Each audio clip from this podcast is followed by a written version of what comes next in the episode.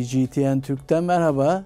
Ee, yine Çalışma Yaşam programında ben Hüseyin İrfan Fırat'la berabersiniz. Hafta boyunca çalışma yaşantımızdaki gelişmelere birlikte bakacağız. Tabii e, haber turu yaparken e, bu haftanın önemli çalışma hayatı haberlerini irdelerken bomba gibi düşen bir haber ne yazık ki hepimizi çok üzdü.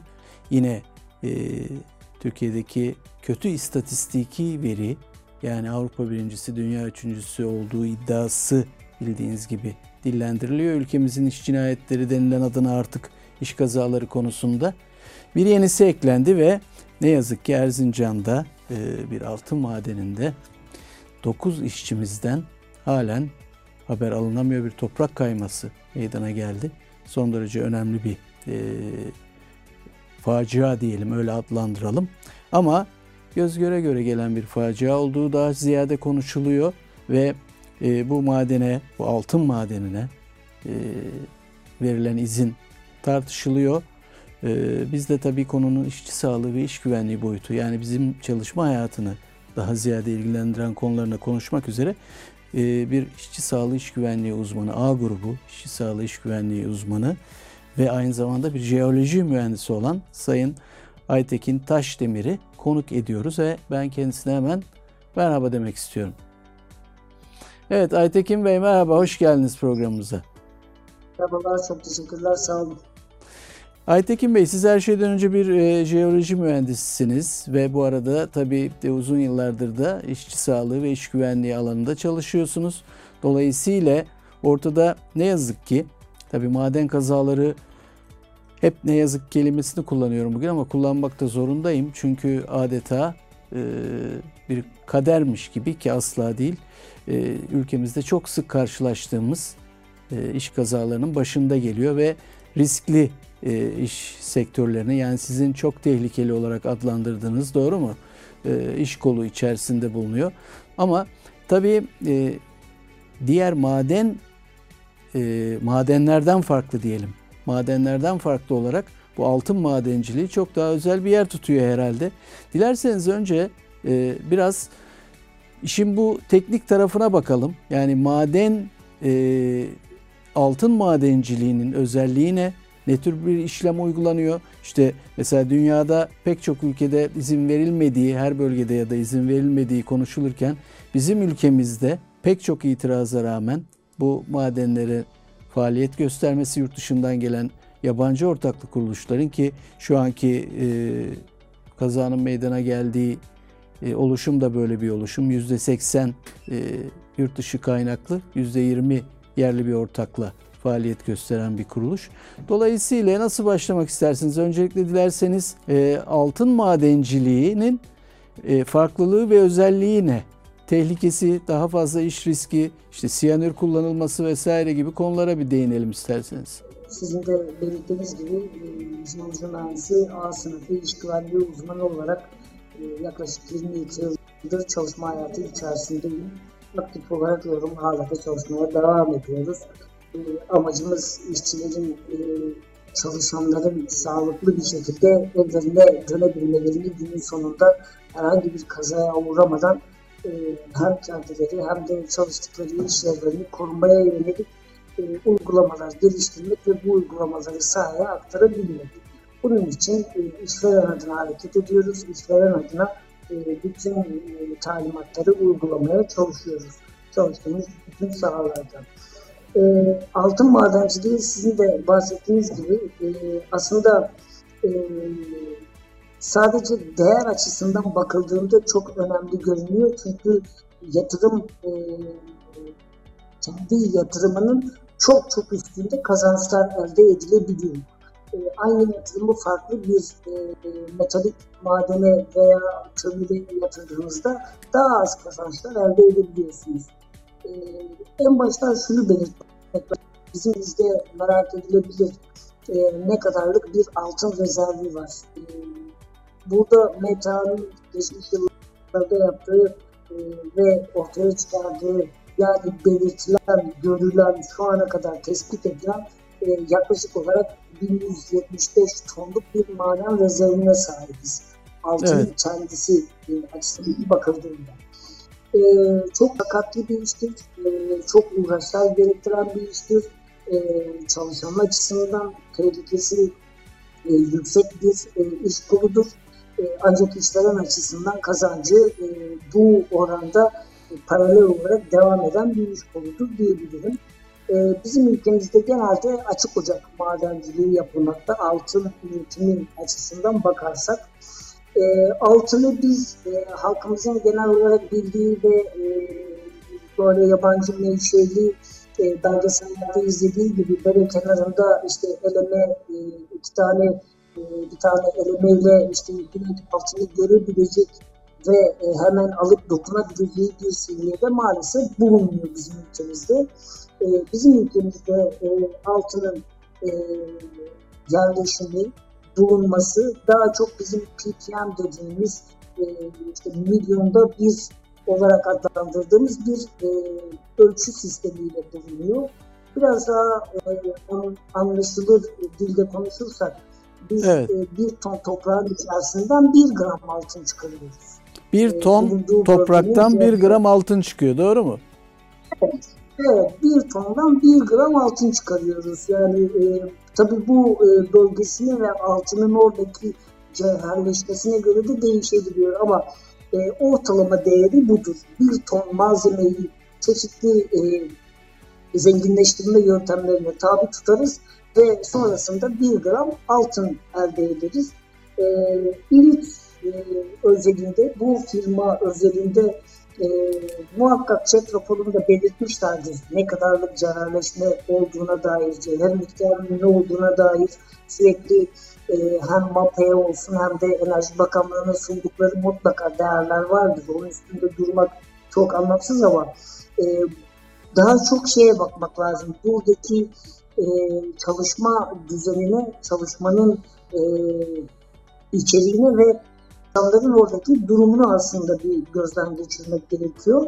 E, buraya gelirken de yine e, ek bir bilgi verelim.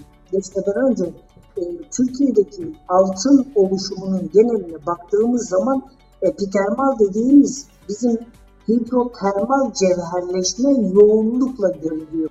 Hidrotermal cevherleşme nedir? Anladığı şudur, şudur. E, kaplıcaların olduğu alanlarda muhakkak altın e, cevherleşmesi bulunuyor. Bizim bulunuyor. ülkemizdeki e, kaplıcaların olduğu bütün sıcak su alanlarının tamamında e, hidrotermal cevherleşme meydana gelmiştir, oluşmuştur. E, tabii bunun yeryüzüne yakınlığı, derinliğinin ne kadar olduğu, cevherleşmenin ne şekilde olduğu sondaj verileriyle elde ediliyor ve ülkemizde şu ana kadar MTA dışında özel firmaların arama e, sondajları dışında herhangi bir veriye sahip değiliz. E, ülkemizde ülkemizde e, en başta yine söylediğiniz gibi hani genellikle altın işletmeciliğine baktığımız zaman e, yabancı menşeli firma ortaklıkları görünüyor. Burada da e, şunu e, söyleyebiliriz. E, yatırım için ciddi bir maliyet gerekiyor. E, yatırım yaptıktan sonra e, cevherleşme sürecine geçen süreci kadar ve bizim ülkemizdeki e, idari kısmın aşılma durumuna kadar ciddi yatırımlar gerekiyor. Bu yatırımlar da bizim e, Türk firmaları tarafından çok fazla e, tercih edilmiyor. Biz biraz daha tabii bu tercihi kullanmayabiliyoruz. Biz biraz daha işte paramızı koyunca bir ay sonra para kazanalım istiyoruz. O yüzden e, paramızı koyup 3 sene sonra gelir elde etmek istemiyoruz. O yüzden bu alandan biraz uzaklaşıyoruz. Tabii yabancı menşei firmalar yatırımladıktan sonra e, Türkiye'de işleri daha iyi ve daha hızlı yürütebilmek için hem Türk işçisini kullanabilmek için de e, yerli ortaklıklar kurabiliyor. Buradaki sistem de öyle. Diğer taraflarda e, kurulan sistemlerin neredeyse yüzde doksanı bu şekilde olduğunu söyleyebilirim. E, zengin bir e, şantiyeciliktir bizim için altın madenleri. Neden zengindir? En başta yine söyledik. E, ciddi yatırımlar gerektirir. Bu yatırımlar hem tesis kurulumunda hem saha kurulumunda hem de iş sağlığı güvenliği alanında özellikle e, ciddi yatırımlar yapılabiliyor, yapılıyor da. E, neden derseniz E, bu sahalarda gözlemlediğimiz kadar ve kendimiz de bazen e, ara ara bu sahalarda çalışma şansları bulabiliyoruz. E, buralarda e, işçilerin yaşam koşulları, çalışma koşulları, e, beslenme koşulları, ücret politikaları dışarıdaki diğer metalik maden ya da diğer e, firmalara göre e, bir tık daha yukarı seviyelerdedir. E, orada e, biraz daha e, dikkat edilir bu konulara çünkü e, yani kendi faydalarının olduğunu söyleyebiliriz. E, işte örnekleyelim. E, Kanada'dan bir mühendis getirip burada 15-20 bin dolara çalıştırmak var. E, Türk mühendis, maden mühendisini alıp 40-50 bin lira e, seviyelerinde çalıştırmak var. Arada ciddi oranlar var. O yüzden hem bizim işçimizi tercih ediyorlar, hem bizim çalışanımızı tercih ediyorlar, hem de bizim mühendislik kısmımızı tercih edebiliyorlar. Evet. Ee, İliç bölgesinde İliç bölgesinde bu alanda yapılan e, altın üretimine baktığımız zaman e, altının çeşitli modellerde üretim aşaması bulunmakta. E, direkt dediğim gibi cevheri kamyona yükleyip taşıyıp e, altını direkt ayrıştıramıyoruz. Bunu farklı yöntemlerle ayrıştırabiliyoruz. E, Erzincan'da kullanılan yöntem yığın liç dediğimiz bir yöntem. Mantık olarak şöyle e, anlatabilirim. E, siz geçirimsiz bir alan oluşturuyorsunuz. Bu alana bütün cevherleşmenin olduğu e, yerden küçük ocak oluşturarak oradaki cevheri taşıyorsunuz. E, yığın liç dediğimiz bu alanda e, çeşitli kademelendirme sistemleriyle e, istifliyorsunuz. Sonra çeşitli kimyasal çözeltiler vererek burada metalik madenin içinde bulunduğu toprak, kaya, kayaç kısmından ayrışmasını sağlıyorsunuz ve madeni oradan alarak e, zenginleştirme tesisinde zenginleştiriyorsunuz. Altın olarak yanında farklı elementleri varsa bakırdır, kimyada, gümüştür, kimyada çok daha farklı metalik madenler de yan ürün olarak elde edilip e, satışa hazır hale getirilebiliyor. E, bu alanda iş sağlığı ve güvenliği açısından karşımıza çıkan en önemli problemlerden birisi sizin de e, belirttiğiniz gibi dün meydana gelen kaymalar, göçmeler, göçükler, e, açık ocak kısmındaki e, toprak kaymaları e, ve benzeri e, toplu ürünler meydana getiren kazalar görülebiliyor. E, altın madenciliğinde bu e, şu ana kadar yaşanmış bu denli bir kaza Türkiye'de neredeyse ilk defa meydana geliyor. Bu boyutta bir kaza. Çünkü Peki Aytekin Bey, e, Türkiye'de ilk defa meydana geliyor dediniz. E, benzer örnekleri e, yurt dışındaki e, uygulamalarda karşılaştığımız türden kazalar mı? Yurt dışındaki uygulamalarda e,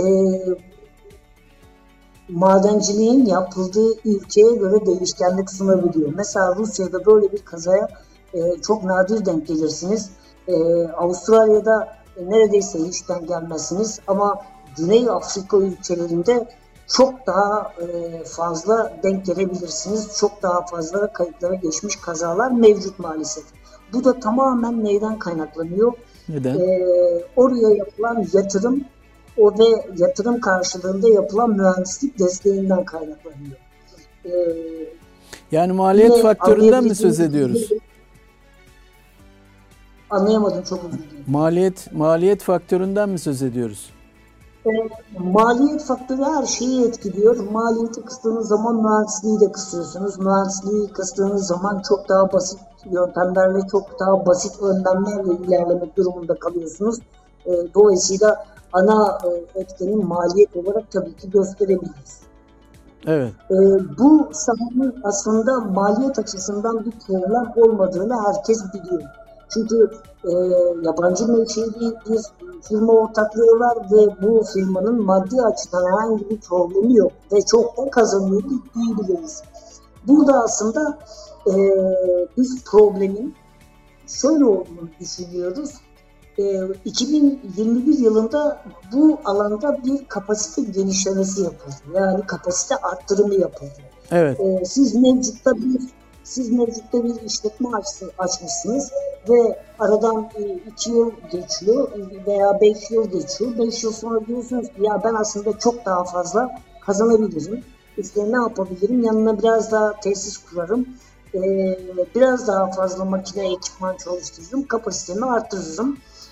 Burada da tabii e, onay mercileri mutlaka incelemiştir, bakmıştır, gerekliliklerini yerine getirmiştir diye düşünüyoruz ama e, kapasite arttırımından kaynaklı olarak e, cevherin e, ayrıştırmaya bırakıldığı alanın aslında genişletilmediği bu alanda daha fazla cevherden metalik madeni elde edebilmek için e, görüntülerde de görmüşsünüz. Evet, evet. videolarda var. Kaymanın olduğu alanlar e, jeolojik açısından düşünürsek e, kademelendirmenin çok yüksek olduğunu görebilirsiniz. Yani neredeyse 60-70 metrelik bir kademelendirme yapıldığı görünüyor. E, burada da doğal olarak siz chat raporunu görmek lazım. Chat raporunda muhakkak kademelendirmenin bir e, metrajı vardır. O metrajın üzerine çıkılmaması gerektiği belirtilmiştir ancak e, genelde altın madenlerinde o 5 ila 10 metre arasında muhakkak yığın içinin kademelendirilmesi gerekiyor. E, burada 50-60 metrelik bir yükseklikten gördüğümüz kadarıyla söylüyoruz. Belki görürken yanılıyoruzdur ama videoda, videolarda gördüğümüz kadarıyla 50-60 metrelik yükseklikteki e, bu kademeler tamamen e, farklı etkilere maruz kalarak kaymaya başlamış ve bildiğimiz e, eriyik halde bir e, e, toprak kayması gibi e, görünüyor olsa da e, akışkan bir şekilde Fırat Havzası'na doğru akmaya başlamış. Kazanın ortaya gelişi ve görüntülerdeki durum bunu gösteriyor. Buradaki e, Aytekin Bey, buradaki o zaman yani şöyle isimlendirebilir miyiz hadiseyi? Yani bir mühendislikle alakalı bir hata söz konusu oluyor değil mi? Dizayn problemi mevcuttur söylenebilir. Ama tabii ki mutlaka orada bir inceleme yapmak lazım. Teknik detayına bakmak lazım ama biz bir dizayn problemi olduğunu düşünüyoruz. E, cevherin oradaki malzemenin e, konumlandırılması, yükseltilmesi, çözelti miktarı, çözeltinin kullanılması, siyanürlü kimyasalın verilme miktarı bunların hepsi etkileyecektir. Hatta Hatta e, şunu söyleyeyim, son 10 gün 15 gündür o bölgede inanılmaz bir yağış mevcuttur. Bu evet. yağış bile her şeyi değiştirmiş olabilir. Ama bunun geleceğini öngörüp buna göre bir mühendislik dizaynı mutlaka yapılması gerekiyordu. E, çünkü orada bu akmanın olabileceğini e, görmek için de aslında mühendis olmaya gerek yok. Oradaki işçilerin tamamı zaten söylemlerinde burası akacak, burası yıkılacak, burası hareket ediyor gibi söylemlerde zaten bulunuyorlar. O da bize e, inanılmaz bir dizayn e, dışına çıkıldığını, dizaynda bir değişiklik yapıldığını, olmaması gereken bir istifleme yöntemi yapıldığını ya da e, biraz daha detaylandırırsak e, çalışmanın olduğu alanlara yakın bölgelerde patlatma çalışmalarının yapıldığı gibi söylemler mevcut. Tabii biz bu detayların tamamına, oradaki mevcut durumun tamamına hakim değiliz. Çünkü olay daha yeni oldu ve e, daha başka neler tetiklemiş bu durumu görmek lazım. Yerinde incelemek gerekiyor diye düşünüyorum. Evet, peki e, yani kazanın dışına çıkacak olursak yani tabii ki detaylarını yine konuşalım. Ama kazanın dışına çıkacak olursak genel anlamda mesela bu somut örnekte de şunun duyumlarını aldık. Bilmiyoruz ne kadar doğru. Ee, acaba işçiler iş görmekten kaçınma hakkını kullanmaya yönelik bir girişimde bulundular mı acaba? Ve bu sizde de sahada e, aktif bir mühendis olarak e, hayatın içindesiniz, çalışma hayatının içinde. İşçiler bu haklarını kullanıyorlar mı? Yani tehlikeyi gördüklerinde tehlikeyi gördüklerinde çalışmama hakkını işverene önce uyararak ya da iş sağlığı ve güvenliği uzmanlarını, ilgili kişileri uyararak ki bu örnekte bundan da söz ediliyor. Daha önce e, az evvel aynen sizin bahsettiğiniz gibi işçiler de bu tehlikeyi görmüşler mesela.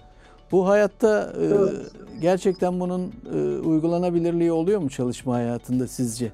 Bir uzman olarak ne düşünüyorsunuz? Ee, şöyle, şöyle söyleyeyim ben e, 13 yıldır iş güvenliği uzmanı olarak e, sektör içerisinde e, çok farklı sektörlerde de çalışmak üzere gerek e, üst yapı, gerek altyapı, gerek tünel, gerekse e, madencilik sektörlerinde bulunmamdan kaynaklı edindiğim tecrübeyle söyleyebilirim ki maalesef bizim işçilerimiz çalışmaktan kaçınma haklarını kullanamıyorlar. Ya kullanamıyorlar ya da kullanmak e, istemiyorlar. Çünkü e, bizim ülkemizde maalesef kanun koyucular kanunu yazarken e, bana göre şahsi fikrim bazı güzel uygulamaları kanuna eklemişler ama bunu sahaya yansıtma şansları olmamış. Neden olmamış? Çok basit bir örnekleyeyim. Siz yasal olarak bir iş yerinde çalıştığınızda e, 6331 sayılı İş Sağlığı Güvenliği Kanunu yani kanun diyoruz. Bunun üstü, üstünde anayasa var. Başka bir şey olamaz. Evet. E, kanun size bir tehlikeyle karşılaştığınızda bu durumu işverene bildirin. Eğer işveren gerekli önlemleri almıyorsa o işi yapmama hakkına, o işe çıkmama hakkına sahipsiniz diyor. Ama maalesef bizim işçimiz bu hakkını kullanmak için işveren karşısına çıktığında çok üzülerek söyleyeyim ki ya işinden e, olabiliyor ya çeşitli mobbing uygulamalarına e, maruz kalıp kendi ayrılmak zorunda kalıyor e, ya da e, sessiz kalma hakkını kullanıp e, böyle bir bildirimde maalesef bulunmuyor. Bulunamıyor. Bir de tabii bir Aytekin Bey e, sözünüzü kestim özür dilerim ama şunu da hemen e, değinmeden geçmek istemiyorum. Sizin meslek grubunuz da aynı durumla karşı karşıya kalıyor. Yani e, geçmiş dönemde bir Yargıtay kararı oldu ve e, işvereni Çalışma ve Sosyal Güvenlik Bakanlığı'na bildiren e, bir iş güvenliği arkadaşın işine son verildi. E, Yargıtay tabii ki e, uzman lehinde karar verdi ve bu bir ciddi bir örnek oluşturdu, bir emsal oluşturdu. Dolayısıyla işçi sağlığı, iş güvenliği uzmanları da meslek grubu olarak ciddi sıkıntı yaşıyorlar bu konuda. Kesinlikle düşünüyorum, doğrudur. bilmiyorum katılıyor musunuz? Hemen canlı bir örneğini vereyim. Ee, şu an bu e, çalışmanın, bu kazanın olduğu çalışmasında çalışan alt yüklenici bir firmanın e, iki sene önce çalışanıydım ben de. E, iki sene önce ben e, farklı bir şantiyesinde e, aynen bu tarz buna benzer bir heyelanlı alan oluşacak diye bakanlığa bildirim yaptığım için maalesef önce ücretsiz izne çıkarıldım sonra da işten çıkarıldım. E, bunun davasını e, maalesef e, devam ettirdik ki hala devam ediyor biliyorsunuz yargı çok hızlı ilerlemiyor. Evet. E, iki yıl boyunca e, süreç devam ediyor ve ben de bildirim yaptığım için e, böyle bir sıkıntı yaşadım. Yani ben bildirim tam da, yapmaktan dolayı sıkıntı yaşadım. Tam da canlı bir örnek oldu o halde yani verdiğim benim evet, verdiğim örnek ama öyle. bu Yargıtay kararından haberiniz var herhalde. Olmaz mı? Yani e, şimdi bu Yargıtay kararını hemen firmanın önüne koyup e, bana 10 maaş vermeniz gerekiyor diyemiyorsunuz. Sonuçta bir tabii, yargı tabii. sürecine siz de girmek zorunda kalıyorsunuz. Evet, elbette. E, biliyorsunuz yargı süreçleri ülkemizde e, kör topaldır. E, çok e, yavaş ilerler ama sonunda gideceği yeri bulabiliyor. Ama tabii 3 sene 5 sene geçtikten sonra çok yıpratıcı da olabiliyor. İş güvenliği uzman arkadaşlarımız maalesef bu bildirimleri çok fazla yapamıyorlar. Niye? Bu süreçte karşılaşmak istemiyorlar. Ee, yine işçilerimizin davranış şeklinin aynısını e, sergileyebiliyorlar. Burada şu sıkıntıyı yaşarlar. Bir e, çalışan çalışmaktan kaçınma hakkını kullanmadığında en fazla e, olabilecek şey tehlike alanından uzaklaşırsa başına herhangi bir sıkıntı gelmez. Ama bir iş güvenliği uzmanı e, bildirim hakkını kullandığında hem bu iş yerinden e, atılabiliyor hem farklı iş yerlerinde iş bulamayabiliyor. Çünkü kötü sonuçta referans, sektör değil zaten mi? kötü referans oluşturuyor. Aynen öyle. Aynen öyle. E, dolayısıyla e, susma hakkını veya sessiz kalma hakkını ya da farklı yöntemlerle istifa gibi ben sizinle çalışmıyorum gibi deyip farklı e, firmalara geçip oralara Burada biz e, yıllarca arkadaşlarımızı e, şunu söyledik. E, lütfen herkes gördüğü tehlike karşısında işveren bir aksiyon çizmiyorsa, aksiyonda bulunmuyorsa lütfen bakanlığa bildirim hakkınızı kullanın. Neden kullanın? E, iki sebepten kaynaklı kullanın. E, orada meydana gelebilecek ölümlü bir vakada sizinle hiçbir alakası olmamasına rağmen siz orada sadece rehberlik ve danışmanlık hizmetini meydana getirirken maalesef yargı sizi çok farklı bir şekilde alıp tutuklayabiliyor ve aylarca e, tutuklu bırakabiliyor. Sonra da yıllar süren bir yargılama sürecine dahil edebiliyor. Dahil edebiliyor. Aklanan Tabii. arkadaşlarımız var mı? Evet. 5 yıl süren davalar sonucunda var. Peki ceza alan arkadaşlarımız var mı? Maalesef o da var.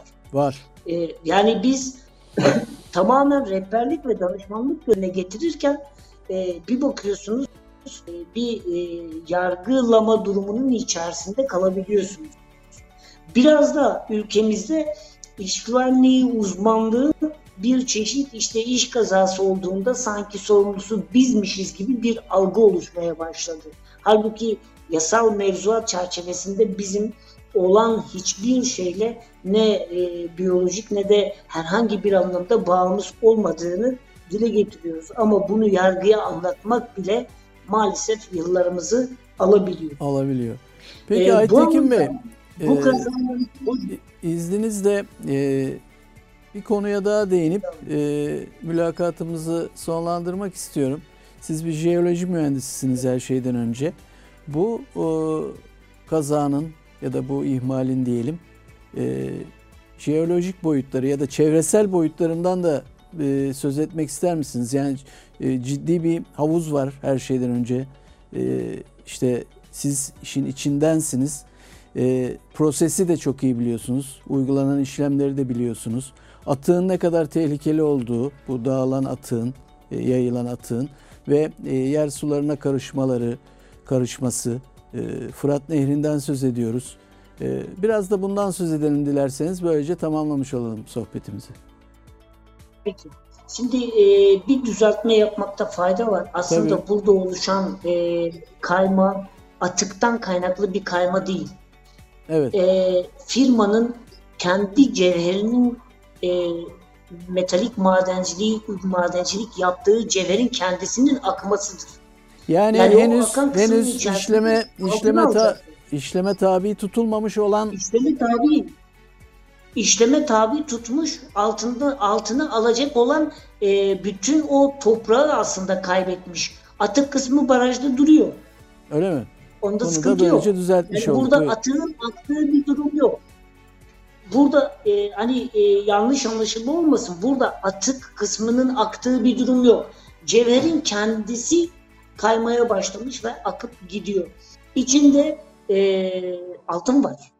Evet. Akan kısmının içinde altın var. E, büyük bir çevresel faaliyet. Neden büyük bir çevresel sıkıntı? Çünkü bu cevherin ayrıştırılması için kullanılan kimyasalların biliyorsunuz insana, doğaya, çevreye, canlıya ciddi etkileri olan bir e, kimyasaldan bahsediyoruz.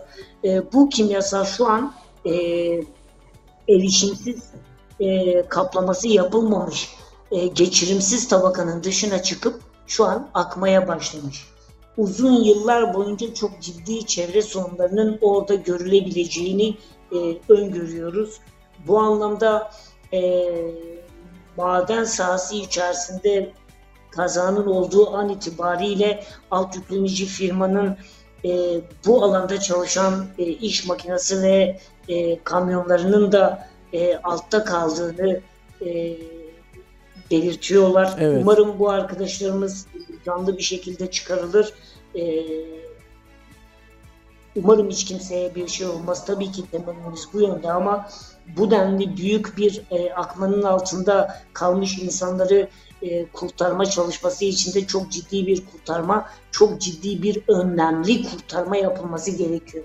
E, dün biz haberlerden gördüğümüz kadarıyla, duyduğumuz kadarıyla ve okuduğumuz kadarıyla e, AFAD bölgeye arama kurtarma ekipleri göndermiş. Ancak e, direkt depreme gönderdiği, deprem sonucu oluşan enkaz alanlarına gönderdiği ekiplerini mutlaka göndermemesi gerekiyor. Kimyasal arama kurtarma ekiplerini göndermesi gerekiyor. Çünkü oradaki kimyasallar e, üzerinde çalıştığınızda insan vücuduna, e, insan yaşamına hem solunum hem temas sonucu ciddi e, problemler çıkarabilecek Yani bir Aytekin Bey kimyasal orada elle elle arama çalışmaları yapıldığından söz ediliyordu. Hayır, kesinlikle yapılmaması gerekiyor. Bu böyle de ciddi, bir Ciddi risk var. anlamda problemler tabii ki çok ciddi bir risk var. Kaza sonrasında devam eden tehlike hala e, önümüzde. AFAD'ın bu durumu mutlaka değerlendirmiştir diye düşünüyoruz. Değerlendirilmemişse de o ekipleri mutlaka bu yönde e, kişisel koruyucu ekipmanlarla giydirmesi ve alana bu şekilde sokması gerektiğini belirtmemizde fayda var. Fayda var. Bu çevresel faaliyet, çevresel sıkıntı Felaket. maalesef uzun yıllar sürecektir. Çünkü kimyasalın e, ağır olmasından kaynaklı olarak direkt e, suyun tabanına inmesi, orada dağılmaya başlaması, yer altına sızması, yeraltı sularıyla hareket etmesi durumu söz konusu. E, belki ülke olarak o bölgenin tamamının e, Çernobil gibi kapsamlı bir şekilde ele alınması ve kapatılması çok uygun olur diye düşünüyorum. düşünüyorsunuz. Peki, e, çok teşekkür ediyorum katıldığınız için ve değerli açıklamalarınız için. E, dileriz bizim de dileğimiz elbette ki e, bu felaketten e, toprak altında halen e, kalmakta olan ve e, aranılan arkadaşlarımızın, işçi arkadaşlarımızın sağ salim kurtulması diyelim ve işçi sağlığı ve iş güvenliğinin önemine bir kez daha vurgu yapmış olalım. Çok teşekkürler katıldığınız için. Ben çok teşekkür ediyorum. Geçmiş olsun tüm ülkemize. Sağ olun. Evet, e, sevgili CGTN Türk e, dinleyicileri, izleyicileri gördüğünüz gibi çok ciddi bir e, çevresel felaketin de aynı zamanda e, söz konusu olduğunu işçi sağlığı ve iş güvenliği uzmanı A grubu aynı zamanda e, bir jeoloji mühendisi olan Sayın Aytekin Taşdemir'le konuşmuş olduk. Bugünkü programımızın böylece sonuna geldik çünkü ağırlıklı olarak bu konu üzerinde yoğunlaştık. Çok önemli bir konuydu çalışma hayatımız bakımından. Ben bugünlük bu haftalık huzurlarınızdan ayrılırken hepinize mutlu bir hafta diliyorum. Hoşçakalın.